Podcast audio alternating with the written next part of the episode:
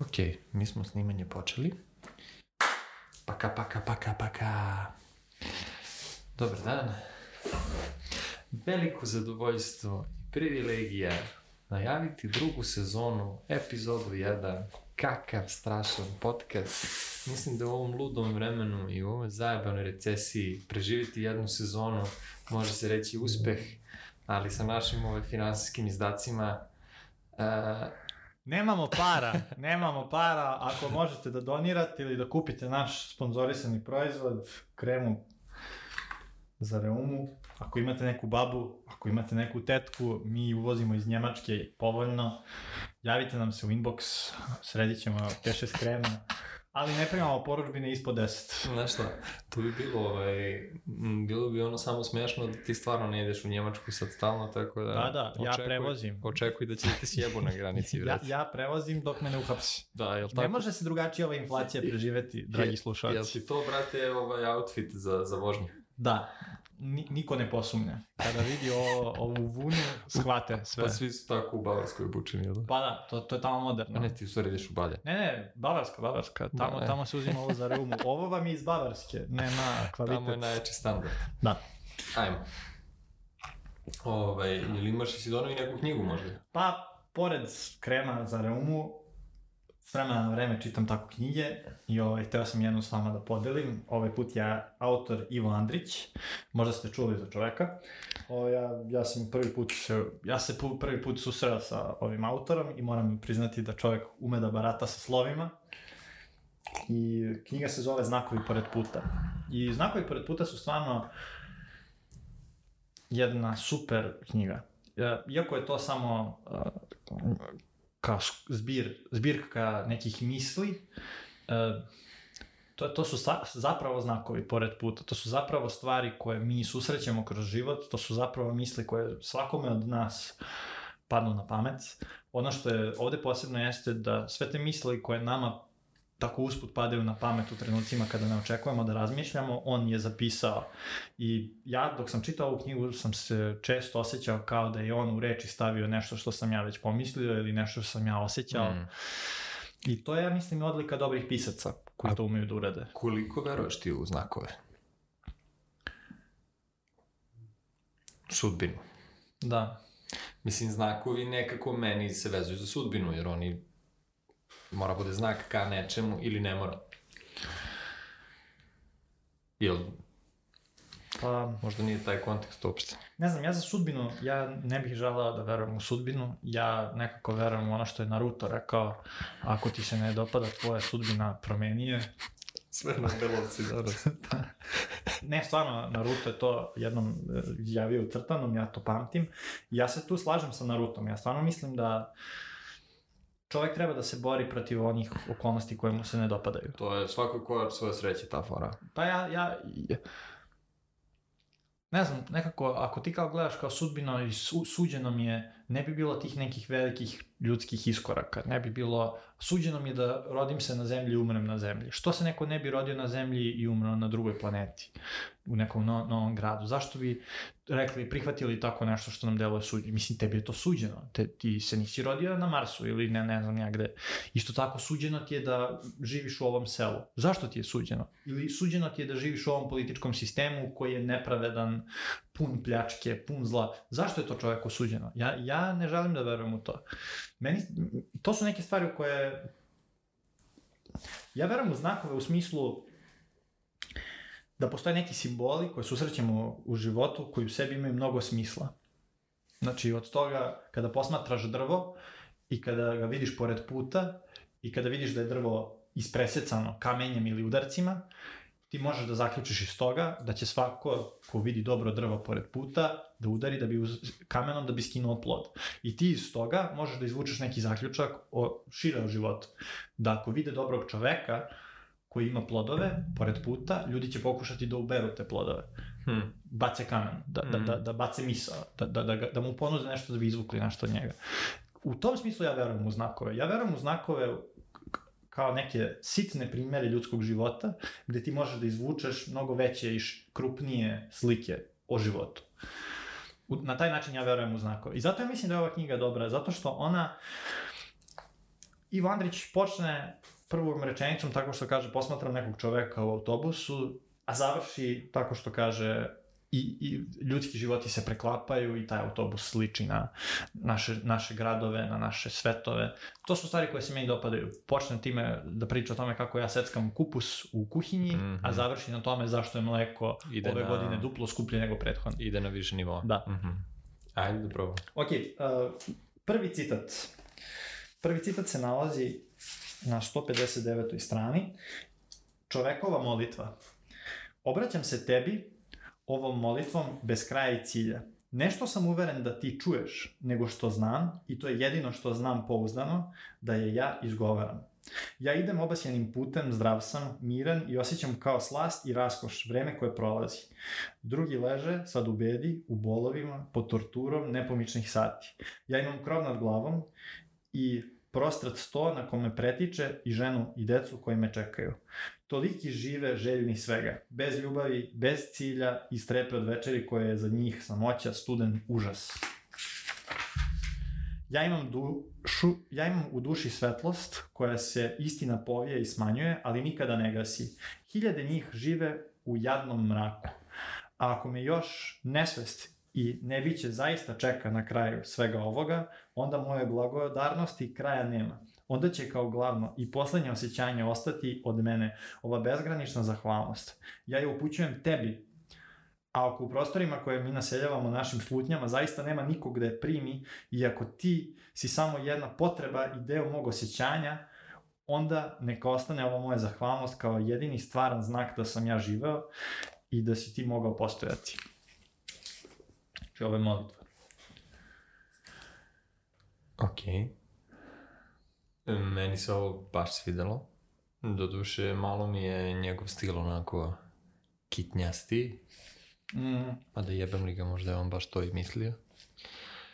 Sad teško je doprati do toga šta je neko htio da kaže, ali generalno sa odnos sa Bogom, kao jedna mnogo bitna ono, tema, i neka zahvalnost prema životu koja mislim da trenutno hronično nedostaje u popularnoj kulturi. Ja nisam siguran zašto je to trenutno stil koji se favorizuje, ali, znaš, život bez zahvalnosti mislim da mm, ne liči ni na Znači, to je ono neka mm, fundamentalno neko osjećanje koja je stvarno može da prožima svaki, svaki sekund u svom životu. I fascinantno mi je koliko je čovek tako nekako skrojen da mu to nije prirodno. To je bar moje iskustvo, da ti stvarno to moraš da naučiš, da, da vidiš nešto na čemu si zahvalan i da ga odneguješ. A ako ostaneš onako po defaultu, generalno uvek sklizneš u bes, u ono, žalbu u dramu. Mm. Znaš, redko, redko. Ne znam da li je neko ono po defaultu skliznuo u zahvalnost. Do nje dođeš ono na kraju. Ako ideš samostalno, znači... Ne znam kako je tvoje iskustvo. Da, ne znam, ja kada razmišljam nekoj višoj sili ili o zahvalnosti za ono što imamo u svom životu, To može da bude zahvalnost višoj sili, može da bude zahvalnost uh, običnom svetu, ovom svakodnevnom u kom živimo. Ja verujem da da ljudi greše dosta jer uopšte ne razmišljaju oko čega treba da budu zahvalni. Ja mislim mm. da je to posledica toga što ljudi redko uzmu i da razmišljaju. to ljudi redko rade, uključujući nekad i mene. Razlog je zato što je lakše ne razmišljati, lakše konzumirati, lakše pročitati, poslušati, pogledati već gotovu mislo, miso i gotovo uložen rad i trud. Ako ne razmišljaš, ti ne možeš da budeš zahvalan, jer ne uzimaš u obzir šta imaš, šta nemaš to su samo stvari koje ti nalete kao prividi pred očima. A često stvari kojima smo zahvalni uzimamo zdravo za gotovo upravo zbog toga što ih ne primećujemo. Mm. Šta ti ja sad primećujem u ovoj prostoriji? Ja vidim tebe, ali ja ne uzimam u obzir, naš mozak ne može da uzima u obzir svaki detalj. Ne može da uzme u obzir da ja imam zube, da imam oči, da imam uši, Ja, a da ne pričam o drugim stvarima. Porodica, pažnja. Ka, kako ti se čini ona ideja da smo mi to tako evolutivno ono, sazreli kao, da kažem, problem solveri, odnosno oni koji traže rešenje i da u stvari uvek e, ti si naštimovan da, da gledaš problem. Mm. Ne znam. Ja, ja, I... ja bih voleo da uzmemo u obzir te ljude koji su zahvalni i da pogledamo šta su oni od svojih dela postigli i da pogledamo ljude koji su stalno nezahvalni i da vidimo šta su oni u životu postigli. Ako mene pita šta ja mislim, šta bi verovatno bio ishod toga, ja verujem da bi ljudi koji su zahvalni imali više onoga što su postigli, zato što, ne zato što su oni zahvalni sami po sebi, nego zato što češće razmišljaju. A posledica razmišljanja su kvalitetna dugotrajna dela. Da, ali nekako zahvalnost mora da se nauči, jer ti kad si mali, generalno vozaš se na nekom tuđem ovaj, radu, da kažem. A postaneš zahvalan tek kad za nešto debelo platiš, a ne mislim finansijski, nego kad nešto ovaj, poprilično teško dobiješ, i to ne mora da bude teško u smislu da je društvo propisalo da je teško, nego ti da doživljavaš da je teško. Znači, Ovaj, nebitno koliko to deluje drugima lako, možda si ti to brzo vremenski završio, ali te je skupo koštalo emotivno, možda te je skupo koštalo fizički, možda te je koštalo zdravlje, ne, ne razumeš?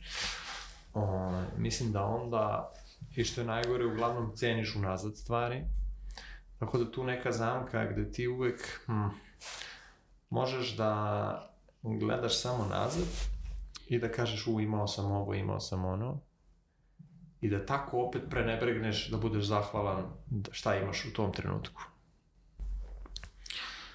Um, da.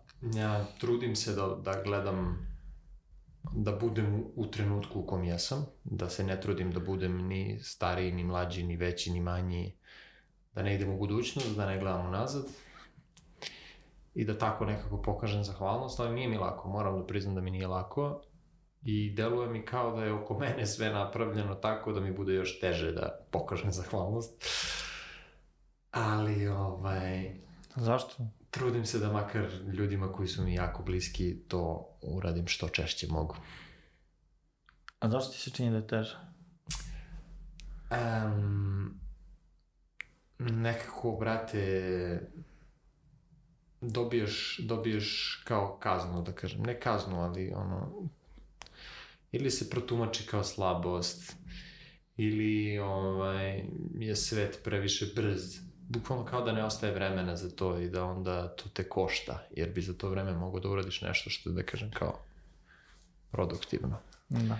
A ovaj, mislim, iako nije, mislim da je ovo jako vredno i da treba svakog dana da sebe podsjećaš na to, ali, kažem ti, često ume da bude ovaj, na, na taj način sa moje strane shvaćeno. Češ sledeći? Da, idemo na sledeći citat. Da.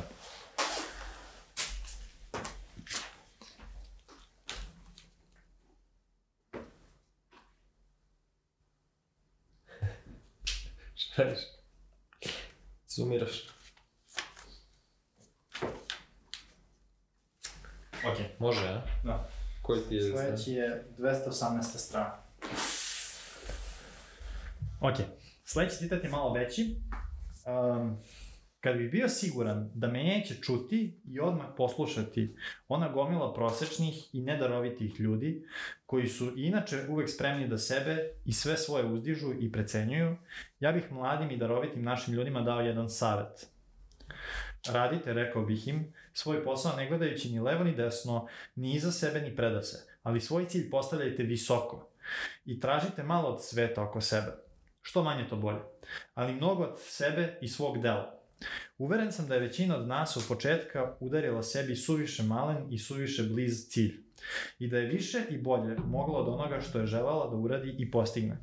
Želite mnogo, težite smelo i daleko i visoko, jer visoki ciljevi otvaraju i mnogustročuju snage u nama. Težite smelo ka savršenstvu velikih dela, a radite predano i strpljivo na ograničenim i mučnim pojedinostima bez sjajnog vidika, jeftinog samozadovoljstva i tačte veličine. Ciljevima svojim težite i trošite se neštedinice na svim i nevidljivim poslovima svakog dana i sata. Često pomišljajte da je život jači i svet bogatiji nego što mi to u svakom pojedinom trenutku možemo da sagledamo. I ne gubite iz vida da u svima od nas ima nepoznatih mogućnosti, da u hodu stičemo snage. Hteti daleko i želeti mnogo kada je reč o postavljanju nesebičnih ciljeva nije greh, nije opasno. Pogrešno je i opasno udariti sebi suviše blisku metu, jer to znači izneveriti i sebe i druge, ostati dužan životu. Budite nepoverljivi i stvarni, strogi prema sebi, pri izvođenju svake pojedinosti skromniji pri njihovoj oceni, ali kod postavljanja ciljeva budite hrabri i velikodušni. Mislite smelo i gledajte daleko. Mm? Da. Ja, ja sam ovo pročitao još u srednjoj školi, ja mislim, krajem srednje škole. I ovaj, ovo mi je, ovo mi je, pamtim, pamtim ovo, ovaj savjet. Ja bih ga, brate, napisao na svaku školu, na ulaz. Da. U svečanoj sali, ono. Da. Zato što to je to bukvalno ako, ako bi išao u onu jebenu školu koliko si već išao i ako bi samo to izvuku kao zaključak, nisi džab išao. Da, mislim, da, slažem se, ali ja bih sad ušao u pojedinosti sadržaja ovoga što je on rekao. Ja sam često razmišljao o tome, nisam siguran, ja nisam siguran da li sam ja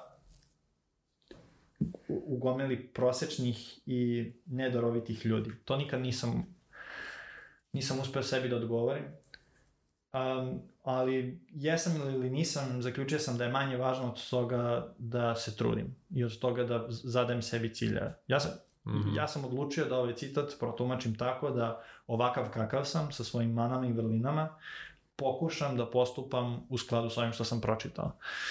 I meni često dani izgledaju da težim na nekim s tim, on, on ih je nazvao nevidljivim poslovima svakodnevnim nisu moderni, ne, ne deluje to što ja u datom danu radim da je glamurozno, niko ne, nevidljivi su, ali u nekoj nadi da to na čemu radim će biti opšte korisno. I, i slažem se s tim da ako neko zadaje ambiciozne, opšte korisne ciljeve, tipa uh, izlečiti toliko i toliko ljudi ili izgraditi toliko i toliko kuća koje su pristupačne ljudima ili omogućiti ljude da se obrazuju. To su stvarno neki nesebični ciljevi i takvi ljudi bi trebali da, ih, da, da imaju visoke ciljeve. Mm -hmm. I, da, i da, da veruju da mogu da ih postignu. Apsolutno. A to sa ciljevima posebno mi deluje da recimo kada kreneš na jednu stranu, tebi bukvalno svaki korak otvori još po 3-4 makar vrata za razmišljanje, a verovatno i za delanje. Tako da ti zapravo kad staviš neki blizu cilj, ti ono A, B, kraj, ti misliš da si uspešan, ali u stvari djavola. Kad postaviš neki dugačak cilj i napraviš jedan korak, pa ti to otvori troja vrata. Pa dva nećeš, jedna probaš, pa malo, pa sledeći korak pa opet. Pa sledeći korak ti donese nekoga novog u život, pa ti sledeći korak odvedete na neko mesto na kom nisi bio. I ti kad dođeš do tog cilja, ti si toliko bogati da je to ono nemerljivo više samim uspehom tog cilja nego ovaj, dobiješ mnogo stvari koje nisi očekivao. Mislim da ne treba toliko ni da sudiš zašto ti imaš taj cilj koji imaš. Ako ti se neka želja probudila, probaj da je zdravo pojuriš. Znači, ne bolesno ambiciozno, da se sakatiš ili da previše daš sebe, ali da svakog dana ostaviš određeni deo vremena da joj budeš posvećen. Znači, koliko god da ti to deluje malo, No, ne, ono, ne da kriviš sebe, sad nisam odradio toliko i toliko u tom vremenu, nebitno. Ako si ti stavio tvoj cilj i ako si svakog dana ostavio dva minuta da budeš ovaj, bliži nego što si bio, Ja mislim da, da ćeš biti uspešan, a sasvim sigurno ćeš biti zadovoljniji. Da. Da. I mislim da... Šta ima još tu da je on rekao ono za...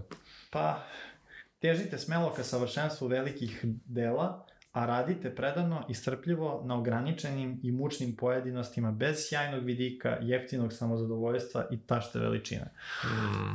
Tu on upozorava na To mi je ovo, na taj put. To ka... mi je ovo što si ti malo prepomenuo, da radiš zadatke koji su, da kažem, nevidljivi, da. koji nisu glamurozni, da. koji nisu za pokazivanje. Niko to ne želi da gleda, niti ti želiš to da gledaš, ali si svestan da mora da se uradi da bi si išlo dalje.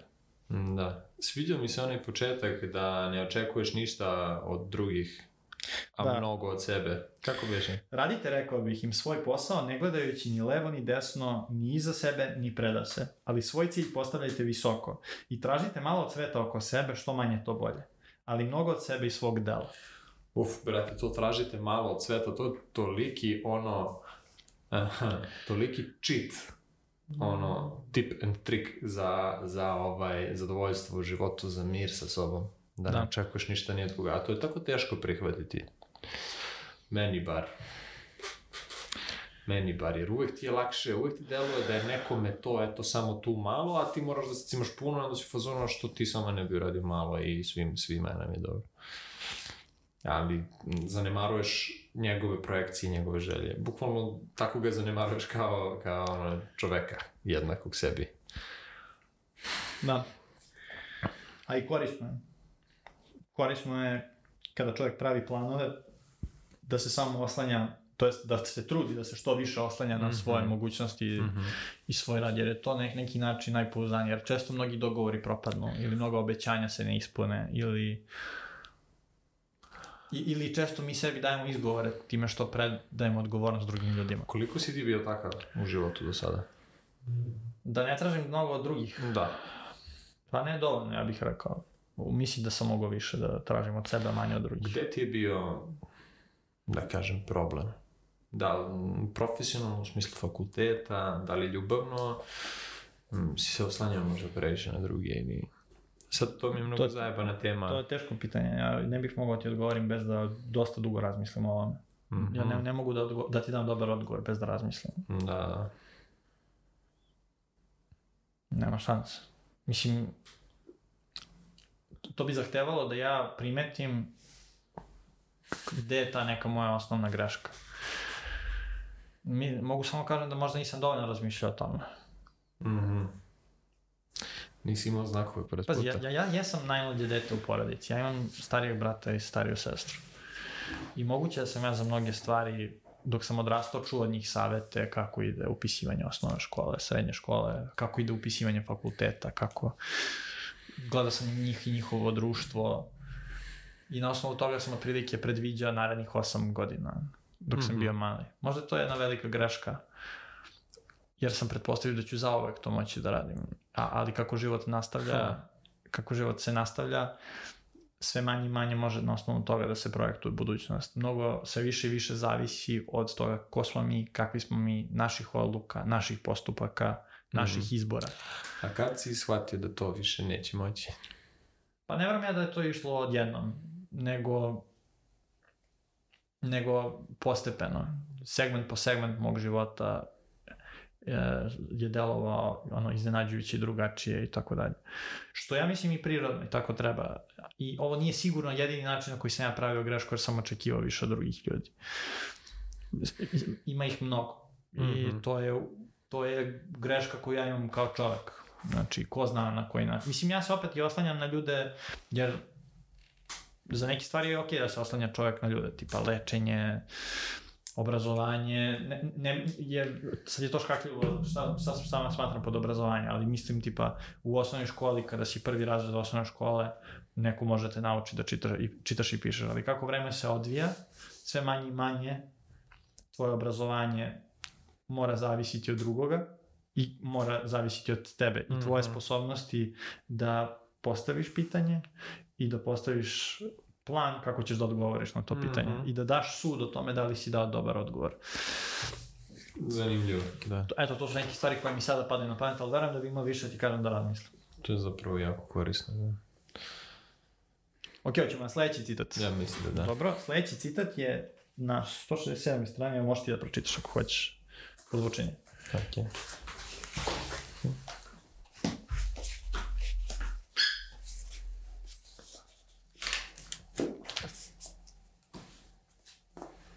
Czekaj. Są, Знімамо. są lubele, zostaje 1 на 26. Dobra. 167. Jel počinje ovde gore, čitajući? Da, ja ću da čitam. Ja sam mislio da ćemo da stignemo pročitati dok ja ustavim. Dok ti ustaneš. Izvinjam se, gledalci, malo nam je novo s kamerama. 167. Ok. Samo mladost ima hrabrost i snage da voli lepotu potpuno, iskreno, bezuslovno i bezobzirno. Samo mladost je toliko luda i tako velika. Posle, posle je u tom pogledu sve više ili manje kompromis, laž i lažna uteha sad ne znam za vas, moji gledoci, ali ja sebe i dalje smatram mladim.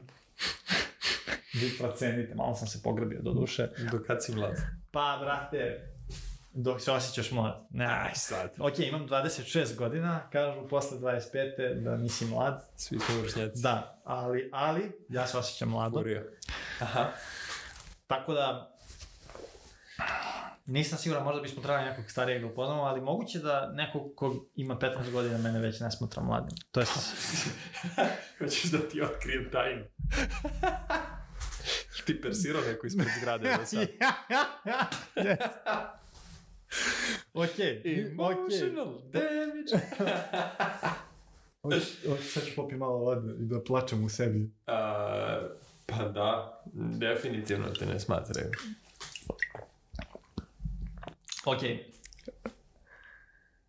Da, e pa ne znam šta da kažem onda. Onda je... Šta je sad ovo, šta, šta ću sad sa ovim ostatkom života, ali sad to neka uteha, ne razumem. Kompromis i uteha. Kompromis, šta, ne razumem. pa ne znam, dok se ti osjećaš mladim, mislim da je to okej. Okay.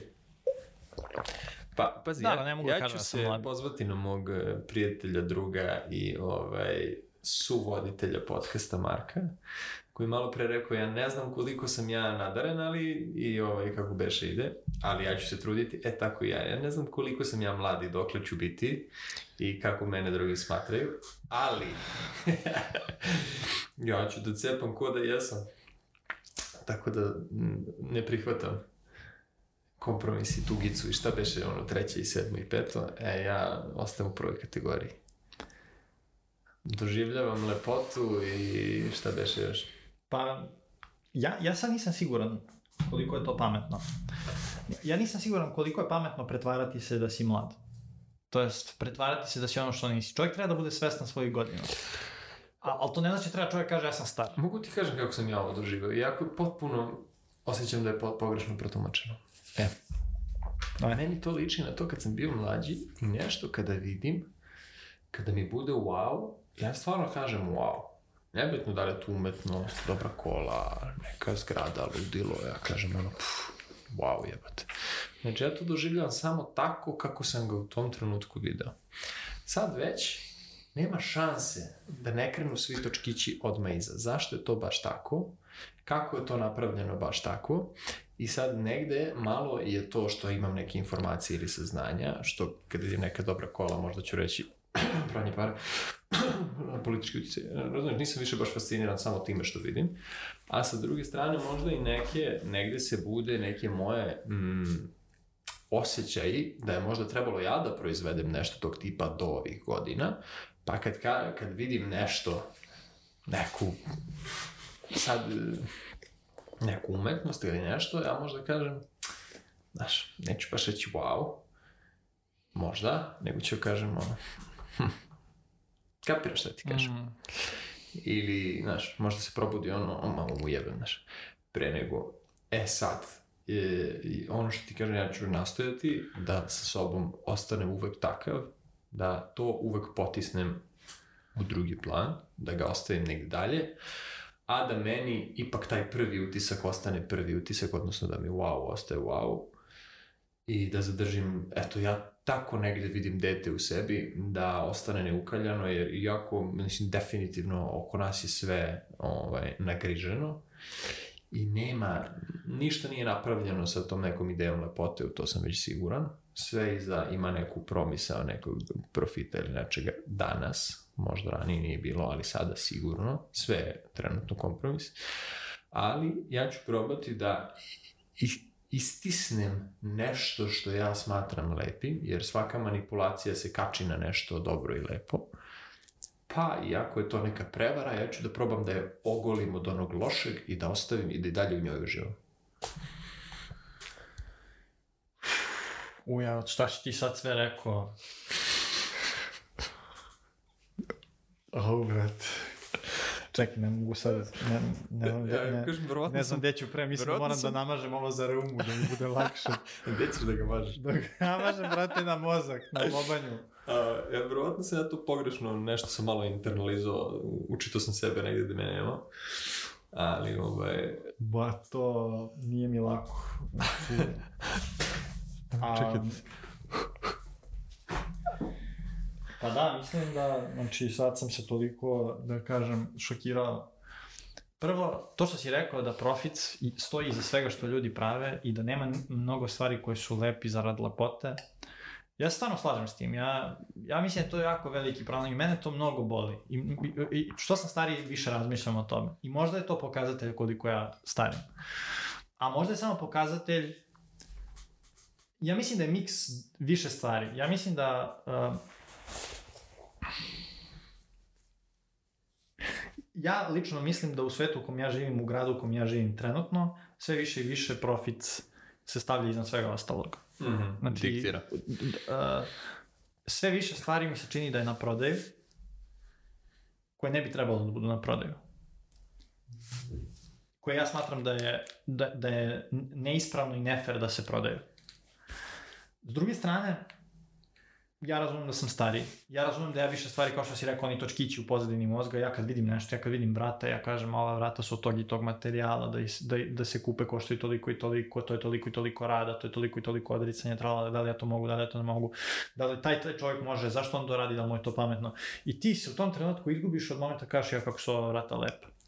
Jer ti imaš, kako si stari, izbor da radiš, radiš, radiš i radiš i radiš, ćamiš, štediš, ovo ono, a, a da malo uživaš ili da malo vidiš tu lepotu i te lepe stvari. I kad vidiš, to najbolje možeš da vidiš kad se susretneš sa detetom.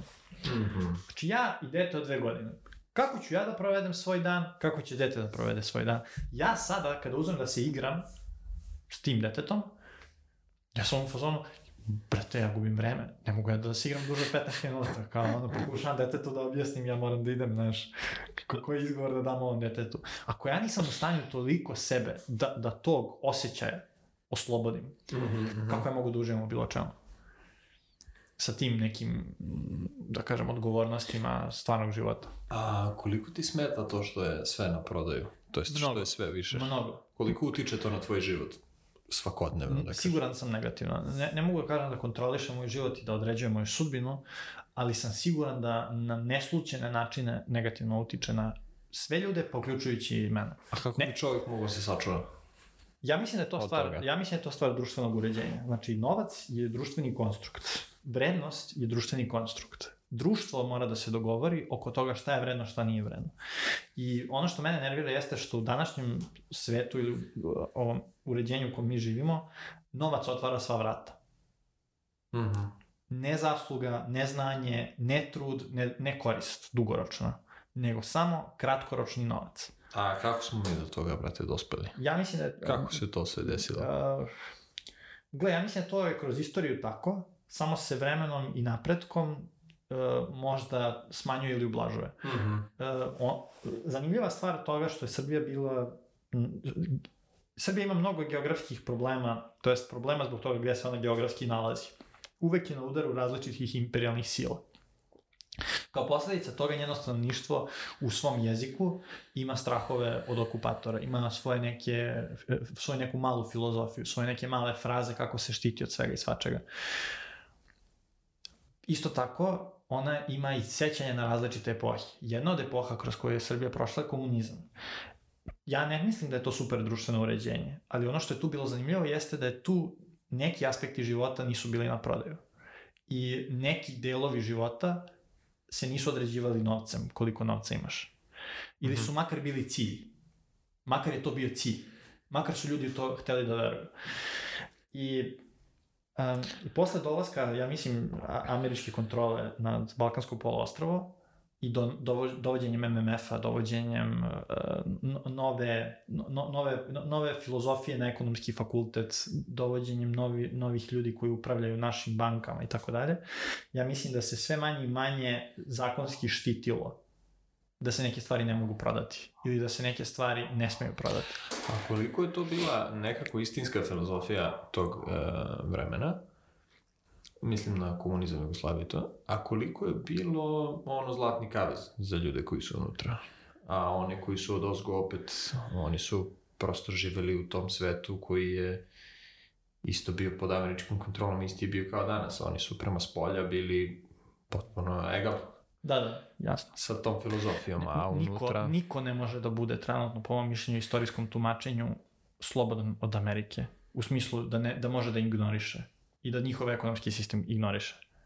I, kada, kada imaš svu tehnologiju sveta, u, u posle drugog svetskog rata, Čekaj, ali koliko je to nametnuto nama da se ponašamo ovako kako se ponašamo, a koliko smo mi to vrlo zdušno prihvatili? Ja, e, jer... to, to su dobra pitanja, I, i, ali stvar je u tome što kako ja tumačim istoriju? Ja verujem da mnoge stvari deluju kad je najcrnje kao da će zauvijek da traje. Mm -hmm. Austrija je pred njen raspad posle prvog svetskog rata delovala kao da će da vlada celim svetom. Ti kad, od, kad si odlazio tad u Beč, mogo si da sretneš najbolje matematičare i fizičare tog vremena. Ljude koji vide svojom naukom 100 godina unapred. I samo par godina posle toga, ti ljudi su se iselili ili po, po, pre, prestali da budu uh, uh um, krem ili elita te imperije koja je prestala da postoji. Uh mhm. -huh. Isto tako, sa tim su došle promene u društvu. Da li su dobre ili loše, sad mi možemo pričamo o tome. O, ali ovde ne pričamo o promeni samo režima, pričamo o promeni organizacije društva. Ono što ja mislim da se sada dešava razvojem tehnologije, da se one temeljne pretpostavke uh, onoga šta predstavlja kapital, onoga šta predstavlja rad, onoga šta predstavlja sredstvo za proizvodnju, dovodi u pitanje. I to, po mom mišljenju, znači da je potencijalno narednih 10, 20, 30 godina će nastupiti neka vrsta revolucije. Uh, ja ne znam šta, kad kažem revolucija, ja ne mislim ono kao mi ćemo da izađemo i sad ćemo da te kao sklonimo, nego mislim potencijalno će možda nastupiti drugačiji svet, drugačiji organizovan svet. Nadamo se.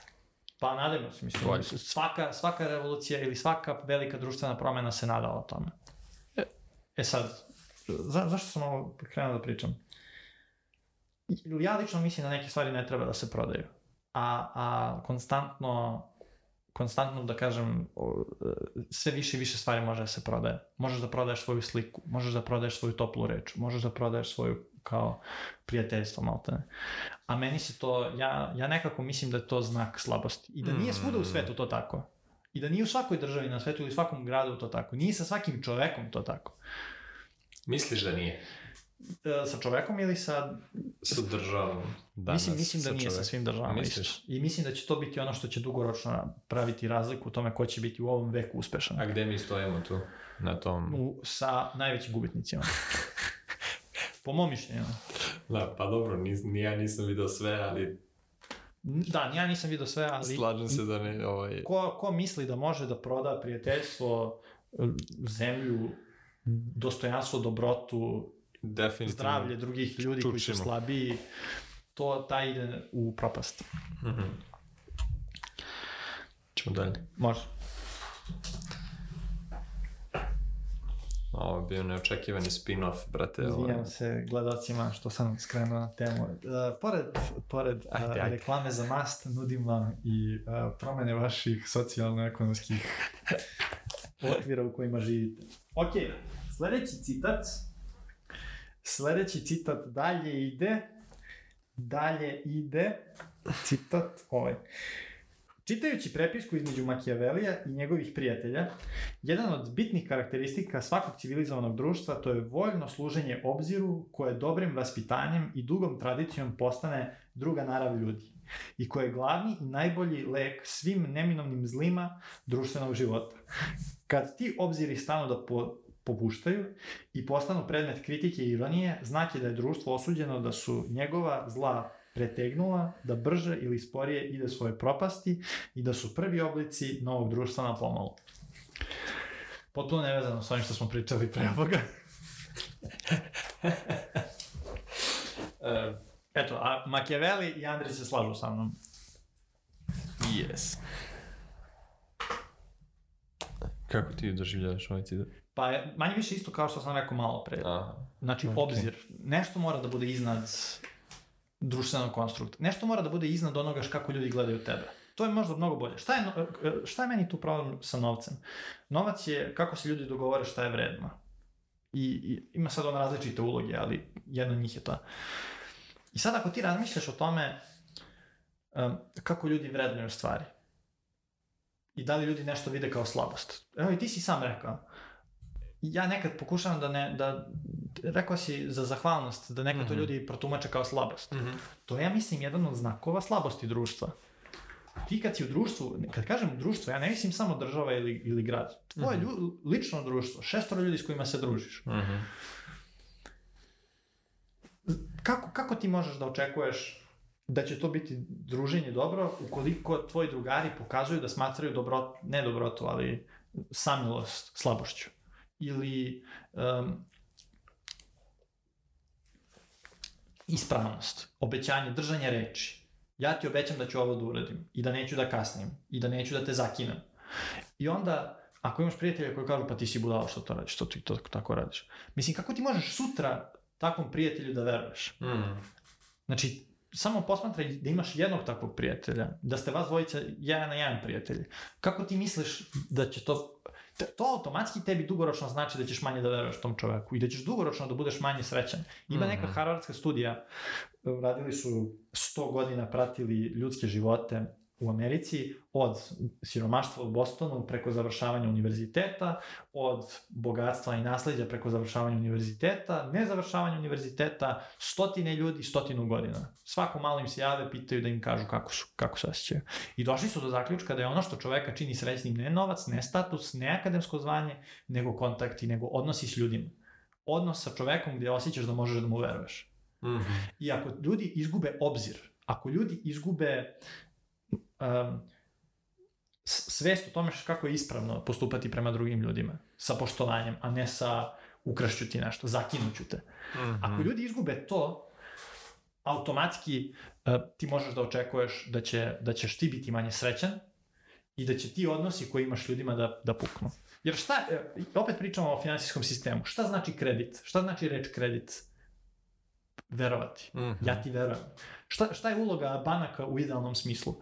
Ja verujem da ti imaš dobru procenu budućnosti i da si u stanju da realizuješ ono što si rekao. Mm -hmm. To je kredit, to je bank, to je finansijska institucija.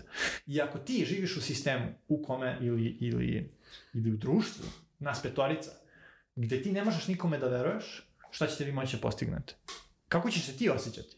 Ja mislim da je to dobar, recimo, ti možeš da pogledaš koliko se konzumiraju lekovi za smirenje. Pa kako smo mi onda srećni? Kako mi imamo napredak ako mi eksponencijalno recimo raste, mm. raste konzumacija tih lekova? To je, to je jedan ono, jako zanimljiv, ja, jako zanimljiv grafikon da se pogleda, da se razmisli Na, da, dobro. o, o tome kakva, kakva su naša društva. I to su sve razlozi zbog kojih ja mislim da nešto mora da se desi da bi se to promenilo. Mhm. Mm da, da ljudi ispod dubine, ispod, ispod onoga kako deluje, osjećaju nešto u sebi da im ne odgovara. Hmm. Hmm. Ja bih ono napravio jednu enketu kako da pokažemo zahvalnost našem domaćinu, brate, našem drugu koji vero, veruje u nas. Da, i... sve ovo da povežemo. Šta, kako da mu, da, ovaj, mu mi, se odužimo. Mi imamo jednu neimenovanu mecenu koja nam je dala da snimamo podcast kod njega u ova inflatorna vremena, to nama mnogo znači. Da, da, da. Um, to je, ovo je, znaš šta volim? Volim kada pronađem neku dobru reč koja mi oslika neka, neka razmišljenja i neka osjećanja. Recimo sad kad je on to pisao i napisao obzir, to je tako dobra reč. recimo ti, ljudi treba da budu onakvi, ljudi treba da budu ovakvi, društvo treba... Druže, imaj obzira. Znači, to je toliko jednostavno za reći i poručiti, a toliko je primenjivo u svakoj situaciji. Uh, sve, ovaj, sa, sa svima sa kojima se susrećeš i šta god radio, ako budeš imao više obzira prema sebi, prema životu koji vodiš, svojim bližnjima, pa onda i daljima, mnogo mislim da bi mogao da postigneš. Da. Tako da, ono, svaka čast Ivu, kako je pronašao reč. Mislim, Obzir, da. Nije, da. nije, nije džabe. Nije džabe to što je da i yeah. dabe to što jeste. Da. Svaka čast. A, mnogo je lakše biti dovitljiv nego obziran. Mm. Mnogo je lakše reći, aha, ja ću ovako da te zakinem, mm. nego reći, aha, ja mogu da te zakinem, ali potrudit ću se da imam obzira i da te ne zakinem. Ne vidiš. To su sad neki različiti pristupi životu i kako ljudi doživljavaju doživljavaju sve to. Možda zbog neke ono, eto, prolaznosti života skloni si da, da nešto uradiš tako brzo, na foru, od danas do sutra, znaš, kad bi sve to trajalo mnogo duže, kad bi imao svest o trajanju, možda bi se potrudio da budeš mnogo stabilniji i mnogo stameniji u svom životu, nego da budeš tako čap čap, ha ha, trala. la. Mislim, bukvalno ti ljudi ovako se i kreću. ja, e, razumeš? Znači, stalno si negde kao loptica skočica, uvek si spreman da te nešto lupi na drugu stranu, znaš. Me, koliko god ja to razumeo, jer ono, kad jednom osetiš kako je to kad te lupi, znaš zašto ljudi to rade, ali to je nešto ono kad se pogledaš u ogledalo kakav želiš da budeš. Ja želim da budem ono celovit, ne želim da budem loptica skočica, o, hoću da budem spreman da se okrenem u pravcu u kome me situacija navodi, apsolutno, ali da budem tako kao neka, pa ja to doživljam, pičkastu tu lopticu skočicu. Da tako, baš tako da je otreseš kao slinu i da svako to može da uradi, to mi, ne vidim ja tu neki uspeh. Uh, i imam želju da imam neku težinu. Da imam ne, da to liči na nešto. Da. A onda mislim da kad imaš taj neki osjećaj, mislim da takvi ljudi koji zapravo dosignu neku veličinu, veličinu karaktera, veličinu svoje ličnosti, da oni, oni, oni imaju obzira prema drugima. Jer to je kao neki veliki brod koji ide, on je svestan, razumeš, šta sve on može da napravi ako samo odluči da skrene. A neki kurtonski gliser koji tu zuzuja, on nema nikakav osjećaj prema tome. Razumeš?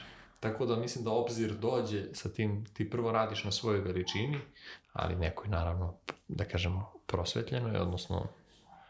Ja bih rekao da je to posledica razmišljanja ono, gledanja ko sam, kakav sam, šta sam, u šta verujem, da li postupam u sladu sa tim u šta verujem, da li je to što verujem ispravno. Jel, jel, jel se slažeš da to može da... Koliko ti se menjalo, recimo, te neke stvari? To ko si, šta si, u šta veruješ? Da... Pa ko sam, šta sam, to je, to se dosta možda menjalo, ali u šta verujem, ne, mislim, te neke vrednosti osnovne, sloboda, sreća, ne znam, dobrota, Kako se stiže do tih vrednosti? Ne znam. Ja sam to, to vaspitanjem pokupio ili odrastanjem, tim mojim ranim prijateljstvima. Ja, te neke stvari koje sam ja tada pokupio, Goku, Zmajeva kugla. Koliko čovek to nosi negde pa prepozna polju? da li svako na kraju nađe to što je Ja, ja mislim da je me, mene u mom slučaju da je to moje okruženje imalo dosta efekta. Ja pamtim kad sam bio mali. Ja pamtim, mi smo bili u dnevnoj sobi, moja baba, ja, brat, i još neko, ali ne da setim ko. I ja se igram s bratom i sada moj brat leži stomakom ovako okrenutom prema plafonu. I ja stojim pored njega. I ja krećem da stanem nogom na njegov stomak. I moja baba samo, ne, A ja sam bio baš mali, ja sam kao, nikad ja nisam čuo da se tako izdrala. Ja gledam kao, što? Pa ubi ga! Nemoj to da radiš! ja mislim da to prvi put u životu da sam ja shvatio da ja mogu nekoga svojim postupcima da povredim. Aha. I ja i dan danas pamtim to. Ja ću vjerojatno dok sam živ to da pamtim. Da, zanimljivo je kako ti se urezalo. Da. A nebitno je. Da, mislim, neko ko posmatra dete, kome to neko da. kaže, ne, neće primetiti to, ali meni je to ostalo, ja mislim da ću ja to do kraja života da, da. razumem šta je to tad bilo. A vidiš, ti nikad ne znaš šta će deci ostati kao zauvek urezano. Kao neki od tih momenta prekretnice. To da. je dosta zajebano. Tvoja baba ko zna koliko je to puta rekla i nju kad bi pitao, ona se sigurno toga ni ne sjeća. Ona je vjerojatno fazon samo ono, To je bila posledica toga kakva je ona kao ličnost, ali je na mene to imalo efekt. Mm. Mm, interesant. Češ da dodaš? Kako misliš da dodam? Pa još nešto i... Ne, ja mislim da je to okej. Okay. O, obzir je važan. Mm. Ok, ajmo sledeći citat. Ajmo sledeći citat. Sledeći citat je 256. strana.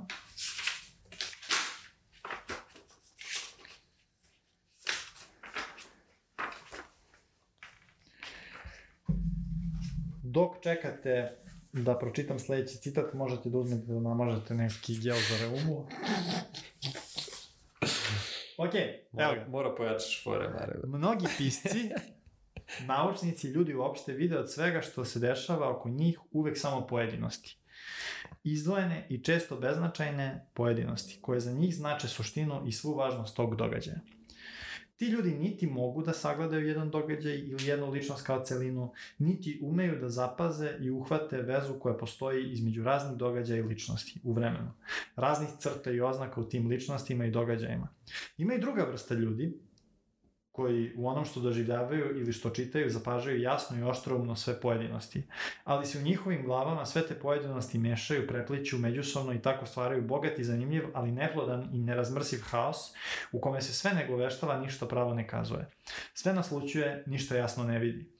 Tu nisu ličnosti i događaji oivičeni prema ostaloj stvarnosti, nego sve prelazi jedno u drugo, meša se i sliva kao u košmarnom snu. Najoštrumnije zapažanja gube sve gube sve svojim krajevima u magli tih nezdravih vezivanja i tu im se potire sva njihova početna vrednost. Bogatiji i zanimljiviji od onih prvih, ovi ljudi nisu na kraju mnogo korisniji od njih, jer kazujući o svemu po nešto ne kazuju ništa jasno i celovito. Najređi su oni iz treće vrste, ljudi koji dobro vide pojedinosti i pravilno ih vezuju u odnosu prema celini. Ti mogu da budu stvaraoci u društvu, nauci ili umetnosti.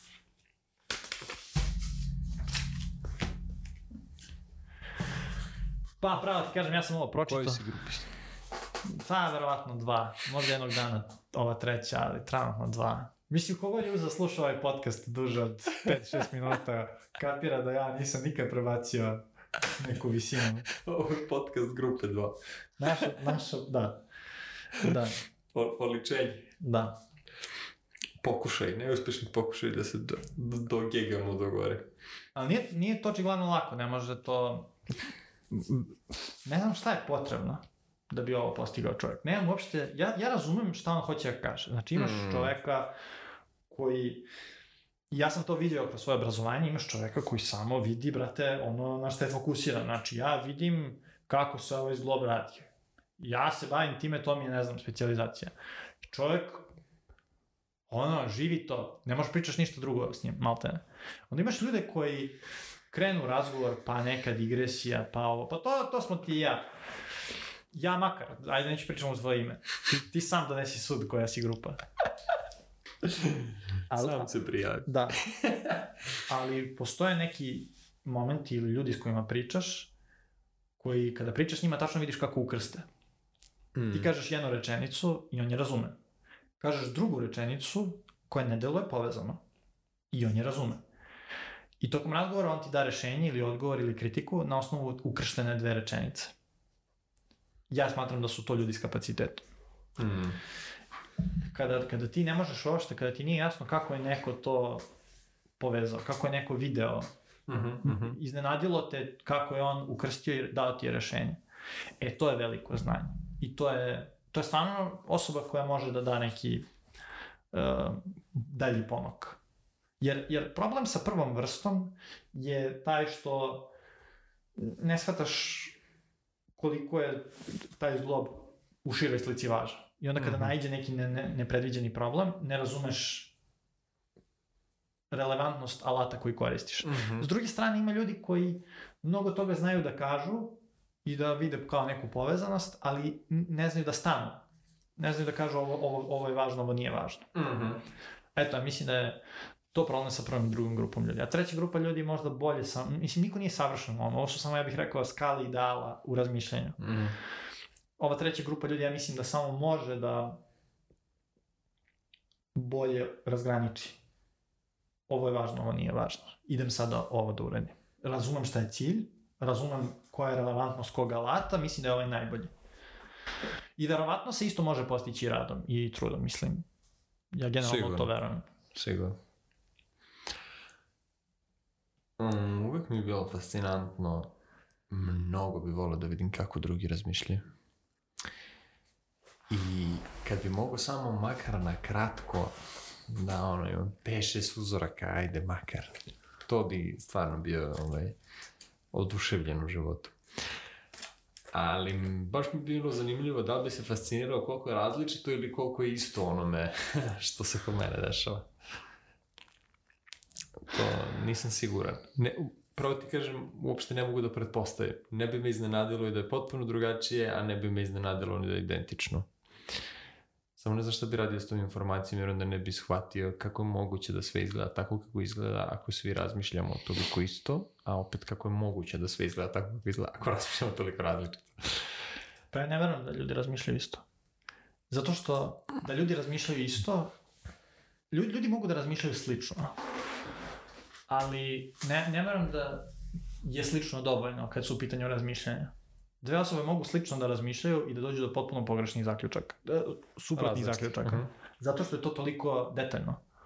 Ti razmisli, samo ako uzmeš da rešiš neki matematički zadatak, ti možeš da razmišljaš slično, ali da kažeš da je rešenje 1, a ne 101.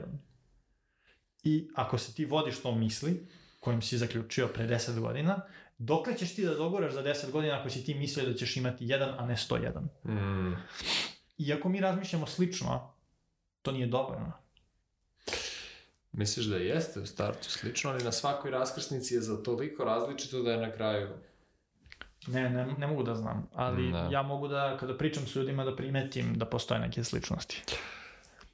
Ali ovo ovaj je njegov... Zanimljivo mi je kako je on podelio te ljude u te grupe. Ja prati kažem ne bi se usudio, možda on zna više nego mi. Apsolutno se ne bi usudio o tome tako razmišljam. Ali da ima ljudi koji su rasplinuti, to je definitivno. Da ima ljudi koji su samo glupi. Sviđa mi se što je on rekao u fazonu, na kraju krajeva između njih nema neke razlike. Zašto mislim da ova druga grupa precenjuje sebe ono, neviđeno. Mm. Ti kao, ja se bavim ovima, one me drkan kurac, la, la, la, znam ovo, ono, stvari, brate, pa šta si ti na papiru, ono, daj da vidimo, podvuci crtu. Da vidimo rezultat. Podvuci crtu. To si. Džoka.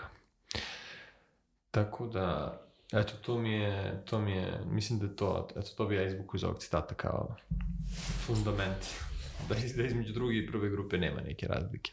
Da. A stvaravci, pa, e, e sad, koliko, koliko ti razmišljaš na jedan način, pa postaneš stvaralac, mislim da kontinuirano stvaranje može da te napravi takvim. I zašto? Bi, zašto? Zato što e, e, samo razmišljati je prvi korak, ali proći ceo stvaralački proces od početka do kraja zahteva nekoliko različitih načina razmišljanja i sagledavanja iste stvari. I ti kada samo razmišljaš, sve vreme iz istog ugla gledaš.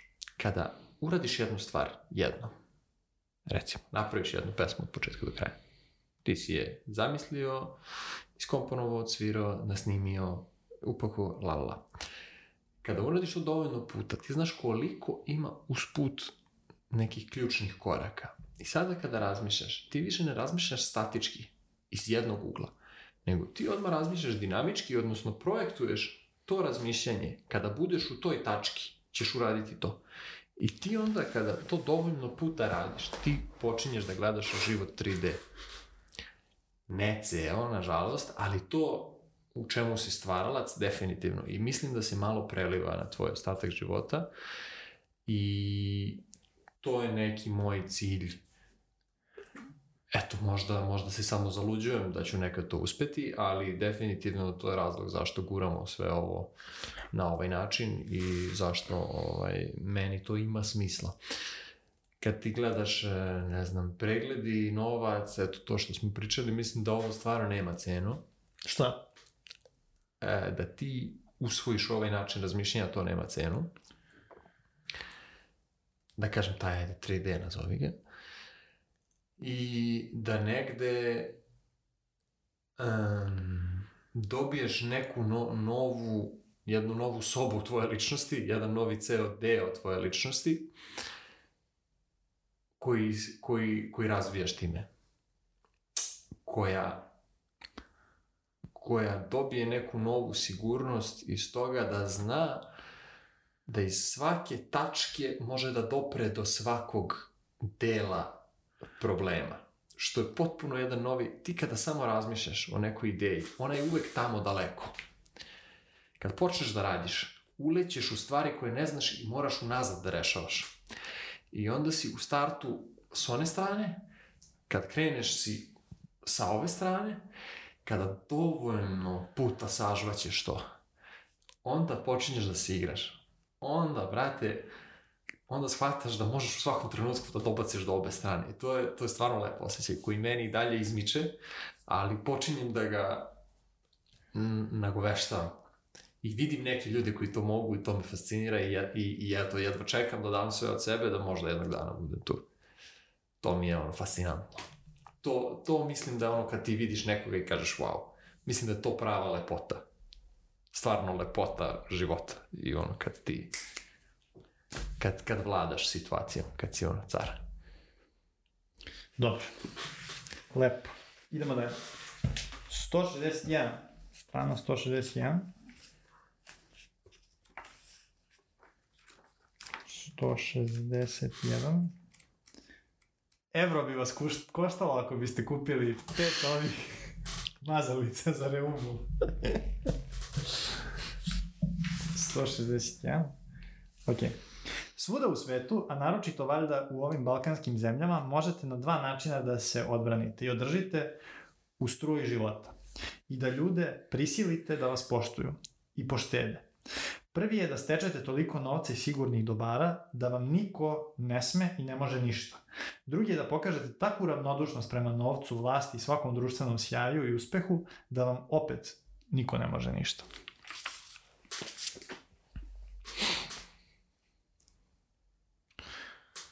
Pa, ne, ne znam zašto je baš rekao Balkan. Zašto je uzeo baš Balkan u obzir? Ne znam što nije rekao Evropa. Hm. Ja, meni su poznati jedan i drugi tip ljudi. Jedan i drugi tip pogleda na, mhm. na, na, na svet. I ja se stvarno slažem s tim da je razlog zašto čovjek uzme tako da razmišlja u nekoj želji da se zaštiti. Mhm. Mm Moguće da je to zato što on misli da, to sam pročitao negde drugde, ali ne mogu sad da nađem taj citat, on je rekao kada će na Balkanu postati bolje, kada ljudi budu imali obzira prema ljudskom dostojanstvu. Uh. Moguće je da... O, da. Mo, moguće je da on misli da je razlog zašto ljudi žele da se zaštite zbog toga što nemaju obzira prema ljudskom dostojanstvu. Pa to je sigurno. I onda ljudi teže u ove, ove dve krajnosti da bi imali neko dostojanstvo. Mm možda je izabrao Balkan zbog toga što su, kada dođe neka imperija, on uvek izabere najnedostojanstvenije ljude, najbezobzirnije ljude, mm -hmm. koji su spremni da prodaju interese grupe. Mm -hmm. I onda moguće da je to razlog zašto je on sve ovo rekao.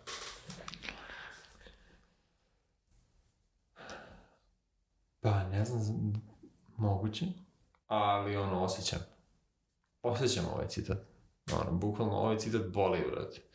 Znaš, ono, the picture can't have Pavlovi kao mi. Ne, nebitno. Um, znači, bukvalno ovaj citat, brate, ono, boli. O, jer, jer mi je žao da mora tako, a ja sam, eto, ne znajući to što je on napisao, negde naslutio isto u svom životu. I negde mi deluje da je mnogo više ljudi naginje na ovu drugu stranu, da im zapravo ništa nije potrebno, ali je problem što ti kada doneseš tu odluku, ti onda s njom ruku pod ruku moraš da doneseš odluku da ćeš biti sam u životu. Jer ti ne možeš svojoj porodici ili svom bližem okruženju to da nametneš. To mora svako da odluči sam za sebe da neće da ima ništa a ako ti imaš, on može da odluči da nema. To je okej, okay. ali ako nemaš, on ne može da odluči da će da ima i da sutra ima. I to je ta neka ono zamka koju ja vidim u celoj toj priči i koja me baš rastužuje. Da, negde delo da su ljudi primorani da pređu u prvu grupu, jer, znaš, redko ko je toliko sam i željan, da, to je spreman. Voljan, da, spreman da bude sam, da... Zajebano je. A to sa dostojanstvom, to je, mislim, tačno, znaš. Ovde, ovde toga nema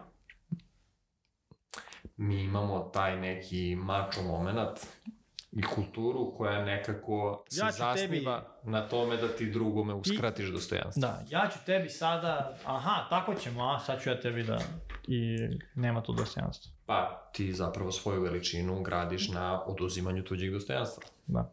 I meni je žao što je tako, mislim da je sad već dovoljno prošlo vremena da svi, znaš, nije ovo, brate, 30 godina posle. Pa da. imaš internet, imaš sve, ono možeš da vidiš, čak i ako hoćeš da se takmičiš, možeš da vidiš koliko je to besmisleno, jer samo uđe na internet gde ono mali kinezi od 13 godina rade bolje sve nego što ti radiš.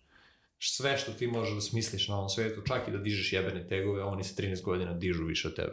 Znači sve što smisliš na ovom svetu, neko već bolje radi.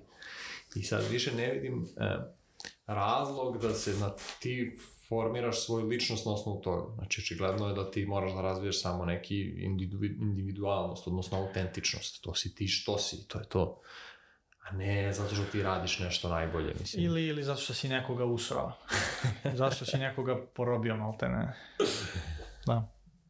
Ok, poslednji citat za danas. Kad vlast već toliko dokumenta i fotografija traži, od svakog građanina trebalo bi uvesti još nešto. Trebalo bi uz svaku molbu i nameštenje, pored poslanje fotografije, ne starije od šest meseci, tražiti još dve, jedno iz detinjstva i jedno iz dečačkih dana. Tako bi se o tom čoveku znalo mnogo više i mnogo bolje šta je, ko je i kakav je.